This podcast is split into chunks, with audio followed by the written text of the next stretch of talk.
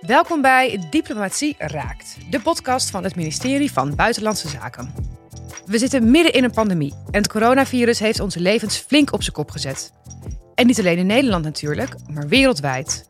En dat betekent dat het ministerie van Buitenlandse Zaken en de 150 ambassades op volle toeren draaien. Maar wat gebeurt er eigenlijk op het ministerie als alle reisadviezen oranje kleuren en duizenden Nederlanders in het buitenland vastzitten? Hoe krijg je die weer terug? En welke impact heeft de wereldwijde lockdown op het werk en leven van Nederlandse ambassadeurs? Mijn naam is Liesbeth Rasker. Ik ben freelance reisjournalist. En in de komende zes afleveringen van de special Ambassadeur in crisistijd zoek ik uit hoe de mensen van het ministerie en de Nederlandse ambassades er voor jou zijn in deze bijzondere tijd. Vandaag heb ik Gerbert Kunst te gast. Hij is consul-generaal in San Francisco. Ook Gerbert werkt al twee maanden vanuit huis, maar speciaal voor de podcast is hij heel eventjes terug op kantoor. We praten over de kansen die de coronacrisis biedt, het e-consulaat dat ze razendsnel hebben opgezet en hoe ze Nederlandse ondernemers en studenten ondersteunen met hun ambities in Amerika.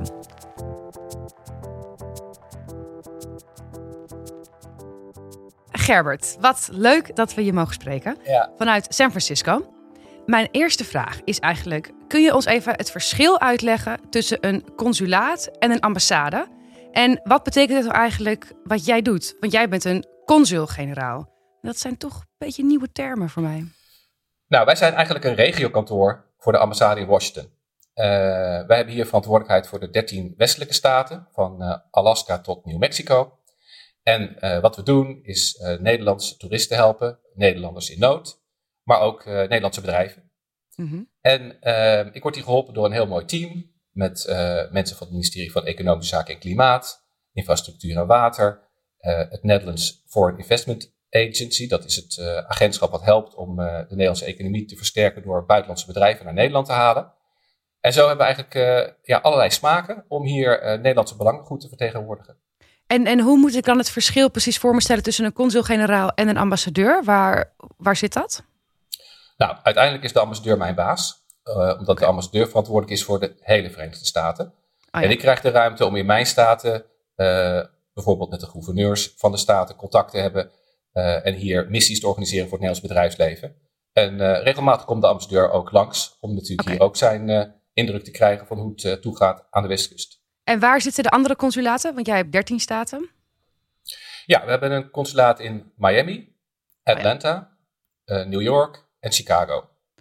Aangevuld dus met de ambassade in Washington en een permanente vertegenwoordiging bij de Verenigde Naties. Ook in New York. En overleggen jullie uh, met de consulaten ook veel? Of is dat, zijn jullie wel van echt op eigen ja, eilandje? Nou, eiland, dat zijn we niet. Nee. We zijn uh, natuurlijk heel veel aan het uh, vergelijken.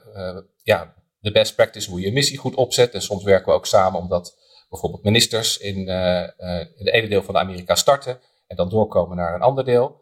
En ook op thema's. Wij doen bijvoorbeeld veel op smart mobility en circulaire economie, op water. En in andere staten zijn die thema's ook belangrijk. En dan proberen we een handje bij te steken met wat wij hier hebben gedaan. Ja, oké. Okay. Um, je woont sinds 2016 in San Francisco. Hoe is het om daar te wonen? Wat voor een stad is het? Ja, het is een heel fascinerende stad. En uh, eigenlijk ook wel Europees. Zo wordt die ook door veel mensen wel ja. uh, gezien. Uh, heuvelachtig, fantastisch mooie uitzichten. Uh, het lijkt alles goud wat er blinkt. Uh, natuurlijk bekend om de innovatie bij uh, Silicon Valley. Ja. En tegelijkertijd, ik reed vanmorgen voor het eerst weer naar kantoor. Ook ja, een hele andere kant van de stad. En dat zijn de daklozen, die hier in de stad ja, 10.000 op een stad van ongeveer 800.000 toch wel heel erg aanwezig zijn. Ja. En ja, daar zie je eigenlijk ook gelijk al dat San Francisco ja, toch wel heel erg twee kanten heeft. En een heel erg groot contrast is tussen de bovenkant en de onderkant. Ja. Uh, een, een one bedroom uh, is 3500 dollar, cappuccino oh, wow. 6 dollar. En ja, dat is gewoon niet voor iedereen weggelegd. Uh, Ja. Dus ja, heel veel mensen in de tech scene die in Silicon Valley werken, vinden het natuurlijk heel leuk om in San Francisco te wonen. En als ik s morgens naar kantoor kom, dan zie ik overal de Google-bus rijden, waar die mensen netjes worden opgehaald, met natuurlijk wifi in de bus, die kunnen ze alvast gaan werken en een ontbijtje. Ja, tegelijkertijd aan de andere kant zie je dan de downside en dan zie je mensen gewoon in de straat verwarde mensen. Mensen die wij soms in Nederland eerder uh, ja, uh, proberen op te vangen en niet op straat terugvinden. Dus dat, dat Ja. contrast, dat vind ik ook wel echt San Francisco. Ja. Ja, tot slot, wat je misschien uh, je kunt voorstellen is dat het hier altijd mooi weer is. Hè? Sunny California. Ja. Maar San Francisco heeft wel uh, heel erg veel uh, verschillende zeg maar, um, ecosystemen. In de zin van, daar is het warm, daar is het koud. En hier in de zomer hebben we twee maanden mist bijvoorbeeld van zee. En dat weten heel veel toeristen niet. Dus die komen dan heerlijk met een korte broek en een t-shirtje. En dan is het best verkochte artikel uh, een klein vestje. Dus uh, ja, wat dat betreft, uh, je moet je altijd goed voorbereiden op San Francisco. Dat was de goede reistip in ieder geval. Hey, en je zei het al even, je ging vanmorgen voor het eerst naar kantoor. hoe lang ben je daar niet geweest? Twee maanden. Twee ja. maanden heb je thuis gewerkt. Ja, we zijn eigenlijk ja, eind februari natuurlijk steeds meer bekend geworden met het coronavirus, ook in Amerika. Ja. En ja, eigenlijk werd de, de maatregelen in San Francisco steeds een beetje strenger. Uh, het was natuurlijk al snel ook afstand houden, je handen goed wassen, uh, goed kijken of je verschijnselen hebt. Ja. maar we konden nog wel doorwerken. We hebben hier bijvoorbeeld nog in de eerste week van maart een grote bijeenkomst gehad met allemaal mentoren die we aan het onboorden waren. Dat wil zeggen, we proberen ze op een platform met elkaar te verbinden, ook met Nederlandse start-ups.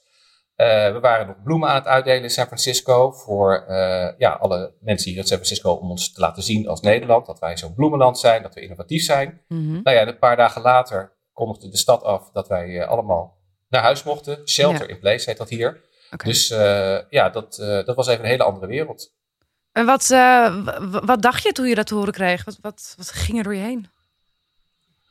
Ja, nou ja, het was, wij zijn thuis met z'n vijven nu. Dus ik heb drie kinderen die nog op school zitten. Dus we Ja. waren ineens met z'n allen weer allemaal thuis. dat was wel heel, even een heel rare gevoel. Ja. en het duurde ook allemaal weer even, denk ik, voor ieder van ons om op te starten. Ja, ik moest natuurlijk even de knop omdraaien, ook voor mijn team, van hoe gaan we de zaken opzetten. En we hadden ook een hele agenda hier staan. We zouden een pop-up consulate gaan doen in Seattle. Dus we zouden eigenlijk met een heel groot team van het consulaat ons verplaatsen naar Seattle om daar paspoorten af te leveren, om contacten met uh, bedrijven te leggen, met de lokale overheid. Nou, dat moesten we afzeggen. We hadden Ja. een missie op stapel staan naar Portland voor allemaal bedrijven. Nou, die gaan we nu binnenkort om moeten zetten in een digitale variant. Dus we zijn eigenlijk overvallen geweest. Uh, er moest ook allemaal even bijkomen van de schrik. Want in het begin, moet ik je zeggen, was ook de eerste zorg om de Nederlanders te helpen die hier in San Francisco en in Californië aan onze kant uh, in problemen raakten. Want ja, mensen wilden naar huis. Toeristen Uh, bedoel je dan inderdaad? Toeristen. Ja. Uh, maar soms ook mensen die hier wel werkten, maar dachten, ja, ik weet niet of het hier nou veilig is. Ik ga misschien liever naar Nederland terug. Ja, Uh, of Amerikaanse mensen die natuurlijk uh, merkten dat misschien hun familie ja, ziek was of erger. En die wilden graag naar Nederland om daarbij te zijn, om ze bij te staan. ja, Dus we hebben eigenlijk in de eerste fase ook vooral veel aan consulaire bijstand kunnen doen. En dat was ook heel belangrijk. ja. Um, en soms, ik was bijvoorbeeld verrast dat er ook zoveel cruiseschepen op de wereld zijn. Ja, Dat zou niet elke dag aan denken. Maar ook aan onze kant, aan de westkust, uh, heel veel cruiseschepen die onderweg zijn al soms echt wekenlang. En Ja. dan ook mensen die gewoon niet goed worden geïnformeerd over wat de situatie is door allerlei omstandigheden. En die we dan ook rechtstreeks konden gaan benaderen om ze bij te praten en te kijken of we konden helpen bij uh, assistentie om ze ook goed uh, ja, in vliegtuigen te krijgen op Hawaii of in San Diego of Los Angeles. Om ja. weer terug te gaan naar Nederland. Dus echt een flinke organisatorische puzzel. Ja, en ook wel weer een hele grote uh, omslag, omdat dan, we hebben ook mensen uit andere teams gevraagd om te helpen, die eigenlijk economie deden. Om te zeggen, jongens, jullie zijn nu echt nodig om uh, dit goed te organiseren. Ja, Uh, en dat liep heel goed, dus dat vond ik ook wel heel leuk om te zien, dat in die eerste dagen we juist ook ja, op deze problemen met elkaar ja, een nieuwe uitdaging hadden. was dat de eerste keer voor jou om dat je in je rol zo'n grote, nou ja, crisis wil ik eigenlijk wel zeggen, meemaakte? En zo ja, wat heb, heb je, merkte je daar iets aan jezelf, hoe je daar dan mee omgaat? Ja, nou, het is, ik denk in alle opzichten, zeg me ongeëvenaard wat er is gebeurd met corona. Ja. Dus het was mijn grootste crisis, absoluut. Uh, nou ja, ik heb op een aantal momenten wel uh, wat ervaringen opgedaan in het verleden al. Uh, soms denk ik ook wel weer terug aan mijn diensttijd. Dat, dat was nog toen ik jong was. Uh, waar je toch ook wel een aantal manieren leert om zaken gewoon helder en goed te organiseren. En waar ik altijd op kan terugvallen hier is gewoon een heel fijn team. We kunnen elkaar makkelijk vinden. En dat hebben we ook tegen elkaar gezegd. Dat als je gewoon in het echte leven goed kunt opschieten. Dat het wel heel fijn is dat je dat kunt meenemen naar de digitale wereld. Want het is gewoon anders. Dus ja, ik werd er niet verontrust van, maar wel heel erg gefocust. En Ja. ook gewoon goed. Ik was steeds goed bezig, ook samen met mijn collega Vincent, die mijn uh, plaatsvervanger is, om de prioriteiten helder te stellen. Mensen aan de goede klussen te zetten. Ja, Uh, want dat zei ik net, we hebben echt mensen uit andere teams ingezet op consulaire nood, want dat was eigenlijk de eerste. inzet.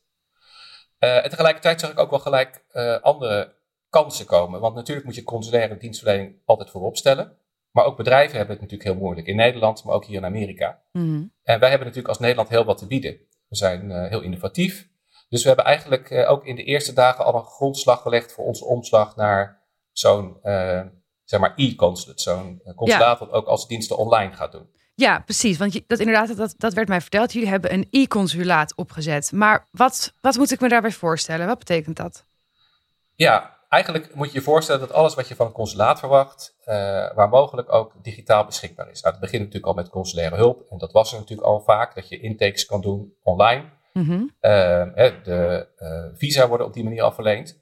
Maar ook voor bedrijven bijvoorbeeld uh, hebben we heel veel dingen die we in het echte leven deden, zoals missies, waar je met elkaar in het vliegtuig stapt en dan hier landt, omgezet in een virtuele variant. Ja, en. Ja.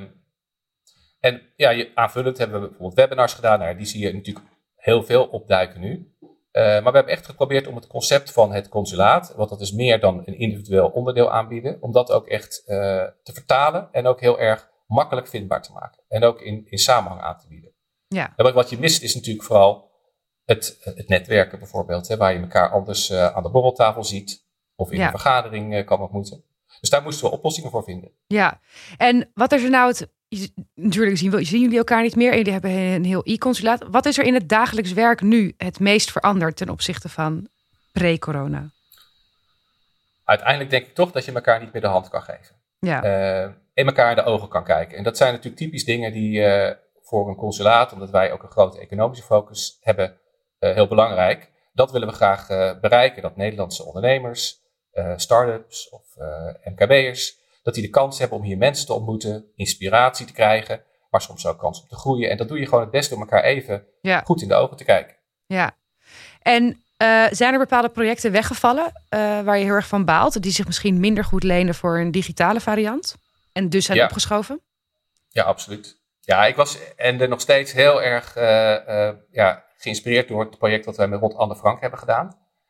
Uh, dat was eigenlijk uh, ontstaan toen de directeur van het Anne Frankhuis hier in uh, San Francisco was. Mm -hmm. want het bleek dat een van de takken van de boom, van de kastanje van Anne Frank hier, was geplant in Sonoma in Californië. En daar kwam oh. naartoe om te kijken hoe hoog de boom was. Ja. Nou, die boom was hier al vier meter. En toen we daar zo over spraken, toen zeiden ja, eigenlijk wat ik mis is gewoon de boodschap van Anne Frank hier goed aan de westkust over kunnen brengen. Mm -hmm. Nou, en daar hebben we over doorgesproken. En nou, wat ik al zei, ik heb drie kinderen, dus we zaten zo te denken, ja, hoe zouden we dat nou goed kunnen doen? Hoe zouden we nou iets met scholen ook kunnen opzetten? Ja. En toen hebben we eigenlijk bedacht dat we een, uh, eigenlijk een soort uh, peer-to-peer uh, exhibition, dat is als het ware een tentoonstelling waar je studenten de kans geeft om het verhaal van Anne Frank te leren, te snappen, met een trainer van het Anne Frankhuis. En dan vervolgens dat op hun school ook over te brengen in een soort vraagvorm aan hun medestudenten. Nou, daar hebben we een aftrap van gedaan in 2017. En toen is eigenlijk die tentoonstelling gereisd naar Hawaii, waar we met de halfzuster van Obama een heel mooi project hebben gedaan. Oh, wow. Naar San Diego, naar Phoenix, naar Denver. Uh, en overal heel, ja, gewoon onverwachte, inspirerende momenten, omdat ja, deze boodschap is natuurlijk heel uniek. Ja. Uh, hij staat ook voor waar Nederland voor staat, want dat is natuurlijk ook wat de consulaat probeert te doen, de, de intolerantie die in de wereld is.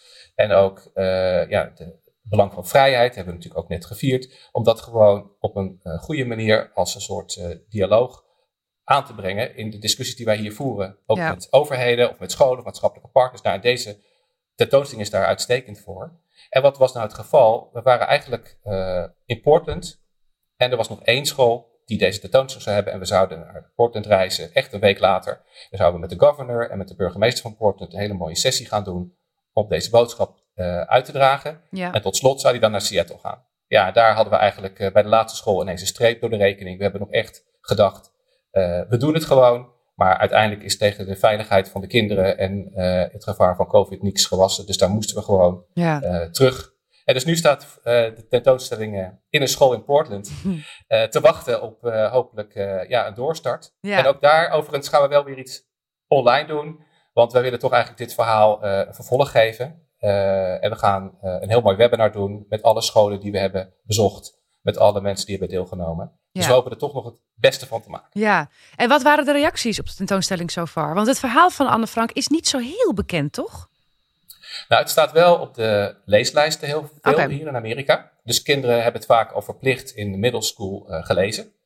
Ja, het is heel wisselend. Elk kind vertaalt het toch naar zijn eigen leven. Wat, wat ik zelf uh, gewoon wel heel mooi vind. En dan in de opzet die we hadden, was ook juist eigenlijk de, de, de student in de lead. Want het ging er ook vooral om om de studenten de kans te geven om het platform te nemen. Uh, met dingen waar ze mee bezig zijn. En bijvoorbeeld in Phoenix hebben de scholen ook allemaal panelen gemaakt met hun eigen vertaling van dat dagboek. Ja. Ja, dan is het toch heel opvallend dat uh, uh, ja, heel veel kinderen ook aangeven dat ze nog elke dag dan met racisme te maken hebben. En dat is iets wat je natuurlijk soms wel je kunt voorstellen, omdat sommige staten daar nog wel uh, tegenaan lopen, dat we hier natuurlijk ook heel veel undocumented uh, mensen hebben, mensen die geen papieren hebben, maar wel illegaal hier in Amerika ver, mm. verblijven, die soms wel naar school kunnen. Ja, er zitten gewoon toch wel een aantal discussies natuurlijk in een heleboel staten aan de westkust. Ja. En die komen door deze manier van Anne Frank, door een open dialoog eigenlijk op tafel. Ja. En ja, voor mij is het dan ook op zo'n moment dat je als consulaat dat kan organiseren wel heel mooi is. Dan een student daar gewoon in een zaal van 400 mensen zegt dat hij nooit een vriend heeft gehad. Maar nadat hij Anne Frank had gelezen, dat hij het gevoel had dat hij een vriendin had. Uh, ja, omdat wat oh, zij wow. uitdraagt en zegt, dat dat voor hem zo sprekend was. Ja, dat zijn, ja, wel heel, hè, dat zijn dingen die je raken. Uh, ja. En wel heel bijzonder. Ja, dat kan me voorstellen. En dan wordt het ook inderdaad heel tastbaar wat jullie hebben neergezet. Ja, en ik ja. zie ook uh, dat dat dat ook manieren zijn waarop bijvoorbeeld de lokale overheid of een gouverneur ook altijd heel erg blij is met wat Nederland bereid is om aan te bieden. Want wij proberen natuurlijk ook samenwerking op, tot stand te brengen. En deze tentoonstelling gaat straks ook naar het uh, Holocaust Center in Seattle, om ook weer te worden gebruikt in de educatie die hier steeds belangrijker wordt. Want uh, in een recente poll bleek dat 20% van de Amerikaanse jongeren niet weet dat de Holocaust heeft bestaan. En uh, ja, dat bedoel ja, ik. daar geen ja, idee van heeft. Ja. En ja, nu zie je toch wel overal dat dat iets is waar ook in Amerika heel veel aandacht voor komt. Om daar betere ervaringen mee te krijgen. En onze tentoonstelling samen met Anne Frankhuis is daar natuurlijk een hele goede tool voor. Ja, inderdaad.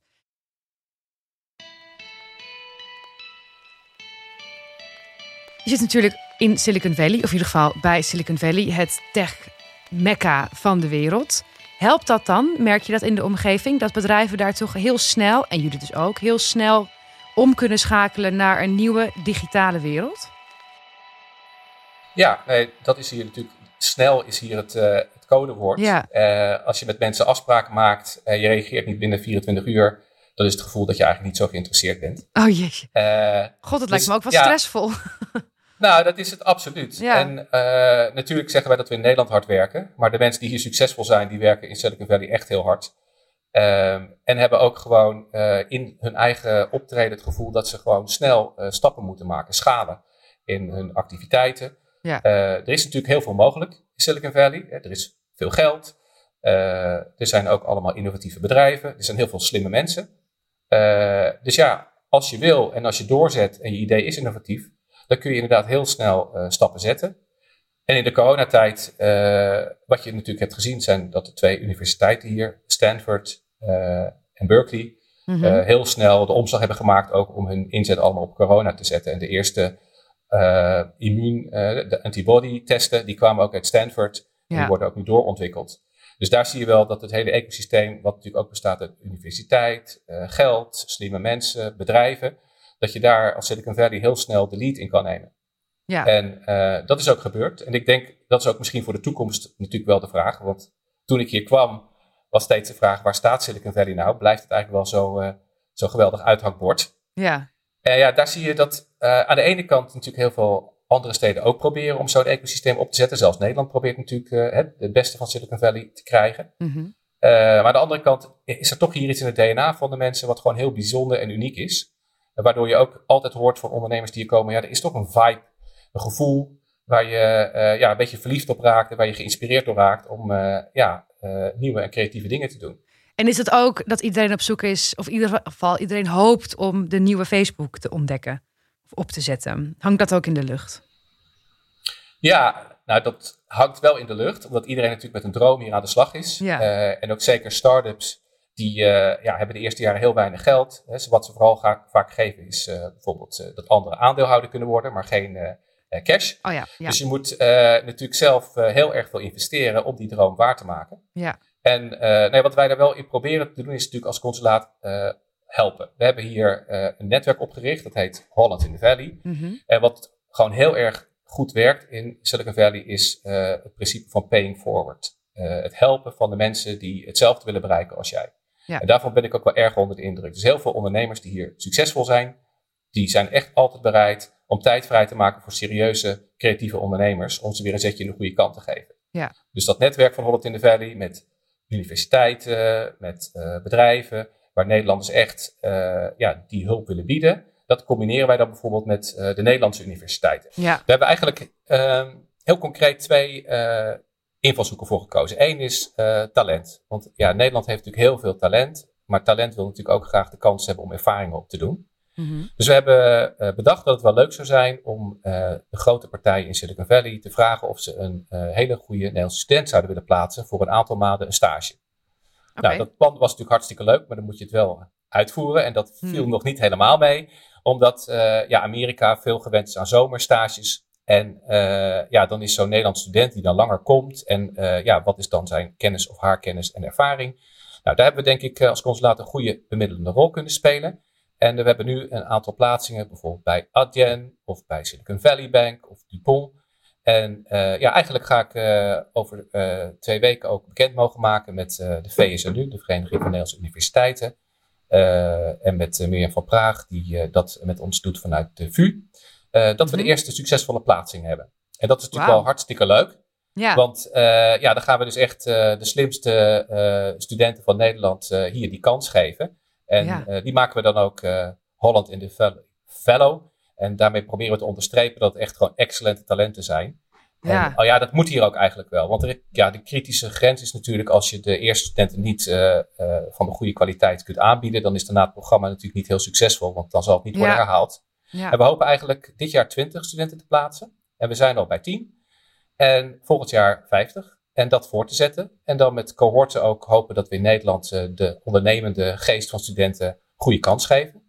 Dus dat is de ene kant. En de andere kant is eigenlijk een stapje verder. De start-ups die in Nederland heel graag willen leren hoe je hier snel eh, van Silicon Valley eh, ja, nieuwe inzichten krijgt. Die Ja. willen we via Holland in the Valley met al die ondernemers en universiteiten in kennis brengen. En daar willen we een platform voor opzetten.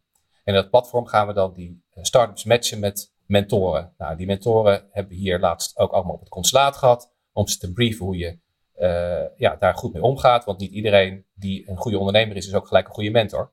Ja. Eh, dus daar zijn nu de eerste eh, ja, stuk of tien start-ups voor in het platform toegevoegd. En daar verwachten we ook dit jaar ja, 20 tot 50 start-ups ja, te kunnen gaan helpen.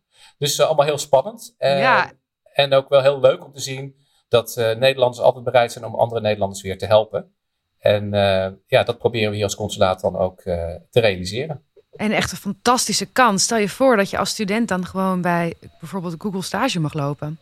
Ja, nou Ja. absoluut. Ja, En Leuk. eh, dat hopelijk daarna, en daar is nog wel een, een aandachtspuntje voor ons. Heel vaak is het voor die bedrijven ook een manier om aan nieuw talent te komen. Dus we hopen wel ze weer te verleiden dat ze teruggaan naar Nederland. Om dan bij Oh ja. onze eigen bedrijven te gaan werken. Dus eh, dat is eh, geen keiharde voorwaarde, maar wel wat ons betreft natuurlijk ook de inzet. Dat we eh, proberen de talenten ook weer naar Nederland te halen. Want wij willen graag ook groeien en onze beste en Ja. slimste studenten in Nederland weer een kans bieden.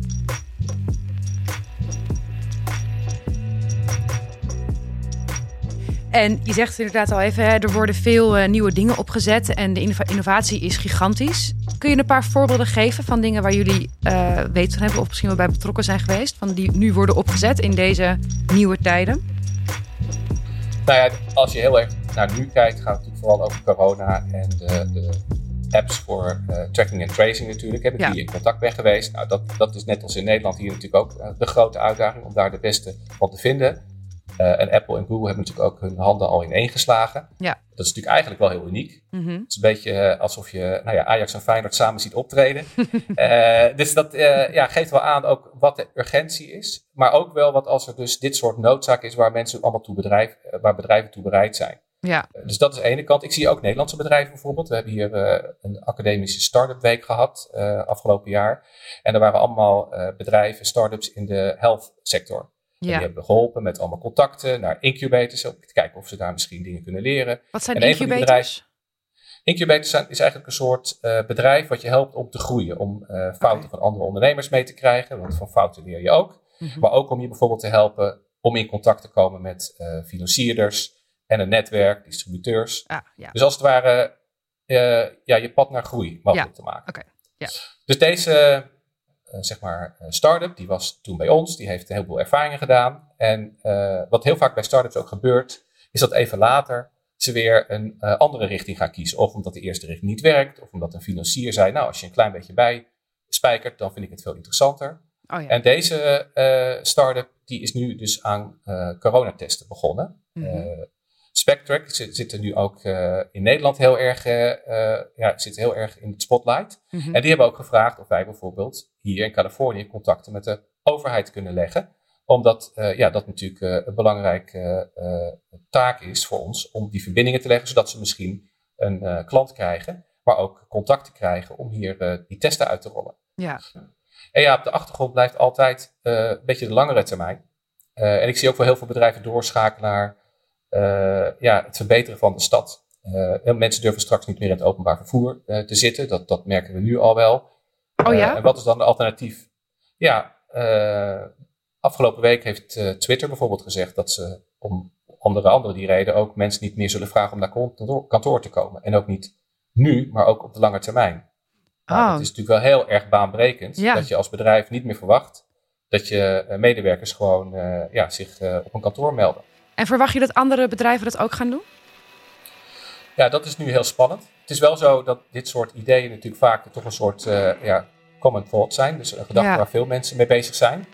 Uh, Salesforce en, en, Apple en Google hebben natuurlijk vaak ook vanuit de aard van hun werk wel die mogelijkheid. Ja. Uh, maar ja, wat we allemaal gaan missen is natuurlijk de gezellige vrijdagmiddagborrel of even het hallo, goedemorgen, hoe gaat het met je? Dus ik denk dat... maar ook wel meer dan dat, toch? Ja, zeker. Maar wat, wat ik ook wel denk is dat um, Silicon Valley test het gewoon. En ze gaan het doen. En dan zullen we zien of de bal het schip keert. En uh, ik denk dat is het interessante hier. Dat er gaan ook dingen gezegd worden of gedaan worden die het gewoon niet gaan worden. Ja. Uh, maar waar wel bij wordt uh, geëxperimenteerd. En dat is ook denk ik wel het uitdagende hier. Dat we, net als ook hier als consulaat, we proberen dingen neer te zetten. Maar we weten niet zeker of alles slaagt. Nee. En hoe gaan jullie dit doen op de lange termijn? Want jij bent nu op kantoor. Jullie zijn digitaal helemaal, uh, helemaal op orde. komen er nu ook weer andere medewerkers? Of blijft het nog een beetje thuiswerken?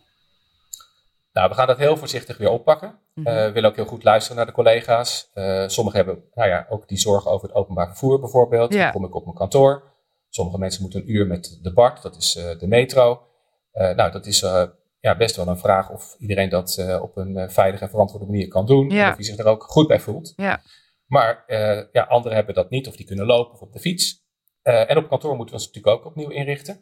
Eigenlijk wat je net zegt, er is ook wel een reden voor ons om weer op kantoor te zijn. Want we missen toch ook wel, dat merken we ook in alle calls die we hebben, gewoon de spontane ontmoeting. even met elkaar een kopje koffie, ook om niet alleen samen bij te praten over het werk, maar ook elkaar beter weer te snappen. Ja. En we hebben een paar hele belangrijke projecten ook uh, op stapel. Ja, want, daar ben ik ook benieuwd naar. Wat, uh, wat doen jullie nu allemaal? Wat komt er allemaal aan?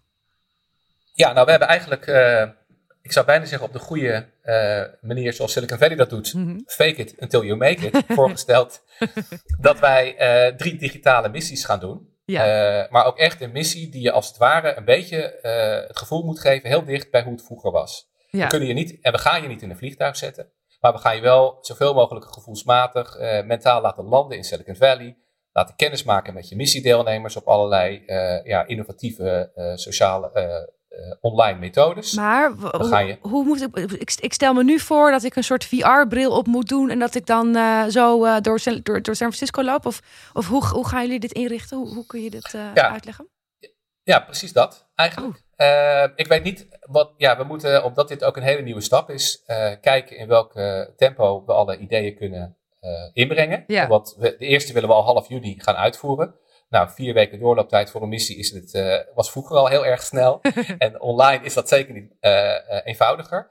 Dus ik weet niet of de eerste missie al met een VR-bril zal zijn.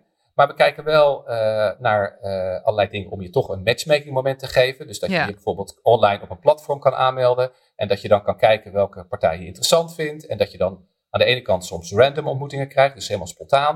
Aan de andere kant bijvoorbeeld de overheid van Californië op een bepaald thema. En dan krijg je alle spelers, die kun je zo bij wijze van spreken in een contact aangereikt krijgen. Je zou bijna kunnen zeggen, was het niet zo jammer dat je elkaar die hand niet kan geven en in de ogen kan kijken? Dat is natuurlijk heel efficiënt en effectief. Want je krijgt een fantastisch netwerk, precies op jouw wensen. Het is een beetje tinderen met Silicon Valley, zou je kunnen zeggen. um, maar ja, we moeten natuurlijk ook zien of dat op alle aspecten voor iedereen dan goed uitpakt. En uh, nou, wat je net zegt, inderdaad, we gaan zeker ook uh, met, uh, zeg maar, bijvoorbeeld augmented reality of virtual reality proberen te werken. Ja. We willen eigenlijk ook kijken of we bijvoorbeeld deelnemers op één plek in Nederland kunnen verzamelen. Mm-hmm. We willen in juli een start-up scale-up missie gaan doen. En dan denken we dat het ook heel goed zou zijn om bijvoorbeeld s morgens een deel in Nederland te doen. Op de nette afstand van anderhalve meter natuurlijk. Maar wel om een beetje het uh, groepsgevoel te krijgen, het leren van elkaar. Dat is een van de belangrijkste dingen van de missie. En dan halverwege de dag kan iedereen doorschakelen naar Silicon Valley. En dan gaan wij live vanuit Silicon Valley aanvullende programmaonderdelen aanbieden. Ja. Uh, ja, dit is een hele nieuwe uh, ervaring, denk ik, voor ons en ook voor de partijen. Ja. Maar ik, ik denk wel dat het bedrijf iets biedt. Want ja, ik zit er altijd wel zo in, het moet wel ergens toe leiden. We willen wel bedrijven kansen bieden die tot ja, groei of banen weer in Nederland leiden. Uh, dus die, ja, ik zou bijna zeggen, die hele specifieke ervaring van de missie, die was heel belangrijk. Dat is natuurlijk toch altijd uh, wat mensen heel lang in hun hoofd houden. Ik was in Silicon Valley, ik heb het meegemaakt. Ja. Dus we willen echt proberen om ja, deze nieuwe digitale missies uh, heel dicht bij dat gevoel te laten komen. Ja. Hoe, hoe kunnen bedrijven of start-ups zich eigenlijk aanmelden voor die missies? Of worden ze geselecteerd? Of hoe wordt zo'n groep samengesteld? Alle twee is mogelijk. Uh, bijvoorbeeld de Smart Mobility missie die we gaan doen in juni. Daar mm -hmm. kun je binnenkort via RVO voor inschrijven. Dus die is eigenlijk open. En elk bedrijf wat daar uh, het gevoel heeft dat hij kan bijdragen, uh, daar gaan we mee in gesprek. Ja. Maar we zullen ook soms zeggen, bijvoorbeeld een start-up of scale-up missie op Life Science and Health. Daar zullen we misschien van zeggen, ja, we willen eigenlijk wel een groep die bij elkaar past. In hetzelfde tempo met bepaalde uitdagingen bezig is. Omdat dan de kwaliteit van de missie beter wordt. Ja. Ehm, Kijk, en bedrijven die misschien niet met een missie meedoen, die kunnen ook altijd nog rechtstreeks met het contact, uh, contact opnemen met het consulaat. We hebben ook een WhatsApp-nummer. Uh, we proberen ook gewoon video uh, afspraken te maken. Mm -hmm. Dus ja, dat hoort ook bij het e-consulate, dat we echt in de hele breedte gewoon, nou, je zou bijna figuurlijk bij ons kunnen binnenlopen. Alleen ja. moet je nu eventjes je laptop aanzetten. Ja, precies. En je VR-bril misschien binnenkort opzetten. ja, nou ja, wat wel leuk is om te zeggen, dat omgekeerd natuurlijk, we hebben het heel veel over wat uh, gaan we naar Silicon Valley toe doen. Maar we proberen natuurlijk ook Amerikaanse bedrijven heel veel te blijven vertellen hoe het in Nederland gaat. Ja. Uh, omdat het natuurlijk ook belangrijk is dat we die uh, band ook goed houden. Dat onze investeringen vanuit Amerika in Nederland, dat die op een goed pijl blijven. Ja. Dus we gaan ook filmpjes maken over Nederlandse partijen die iets in de aanbieding hebben. Of die misschien bepaalde samenwerking zoeken met Amerikaanse partijen. Dus het is wel een ja, een over en weer relatie die wij hier als consulaat neerzetten. Ja, wij spreken elkaar nu terwijl het bij jou ongeveer tien uur s ochtends is. Wat uh, staat er op de agenda voor vandaag? Nou ja, ik moet heel hard aan de slag om uh, onze digitale missie, die we vanmorgen in een stuurgroep hebben toegezegd, uh, op te gaan zetten.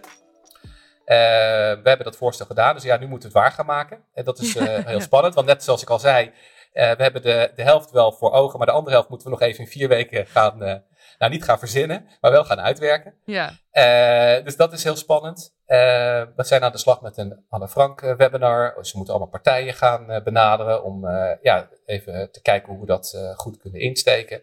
En ja, zo is er eigenlijk gewoon weer een hele drukke dag. En ja, wat ook is als je zoals nu thuis zit, het lijkt wel soms of het werk niet meer stopt. En daar moeten we elkaar ook goed op letten. Ja. Of je wordt s morgens wakker en je gaat tot s avonds laat eigenlijk uh, weer verder. Ja. Uh, maar goed, daar houden we elkaar op scherp. En dat is ook wel heel leuk uh, om aan de andere kant weer een tijdje de kans te hebben wat dichter bij je gezin te zitten. Dat was voor mij ook wel bijzonder. Ja. want ja, die zijn hier natuurlijk ook, staan hier ook midden in Silicon Valley en alles wat daar omheen gebeurt. Ja. En af en toe ben ik iets te veel op reis. En nu ben ik noodgedwongen misschien iets te veel thuis. maar nou goed, het heeft alle twee zijn mooie kanten. Precies, dit is ook een waardevolle kant aan. Absoluut, ja. Ik wil je heel erg bedanken voor je tijd. En ik wens je veel succes met de webinars en de missie. En uh, nou, wie weet spreken we elkaar nog een keertje in een uh, VR-context. Ja, het zou super leuk zijn als je een keer gaat deelnemen aan onze missie. Ik nodig je van harte uit. Ja. Je mag uh, meedoen aan een mooie sportmissie die we naar Los Angeles gaan doen binnenkort. Dus, want daar komen de Olympische Spelen. Dus dan proberen we eigenlijk ja, jullie mee te nemen, virtueel dan helaas, naar alles wat LA te bieden heeft. Dus mocht je dat aantrekkelijk vinden, dan hoop ik je daar graag te ontmoeten. Dat klinkt zeker spannend. ik wens je een hele fijne dag. Dankjewel. Dankjewel. Hoi. Tot snel. Dag. Dag.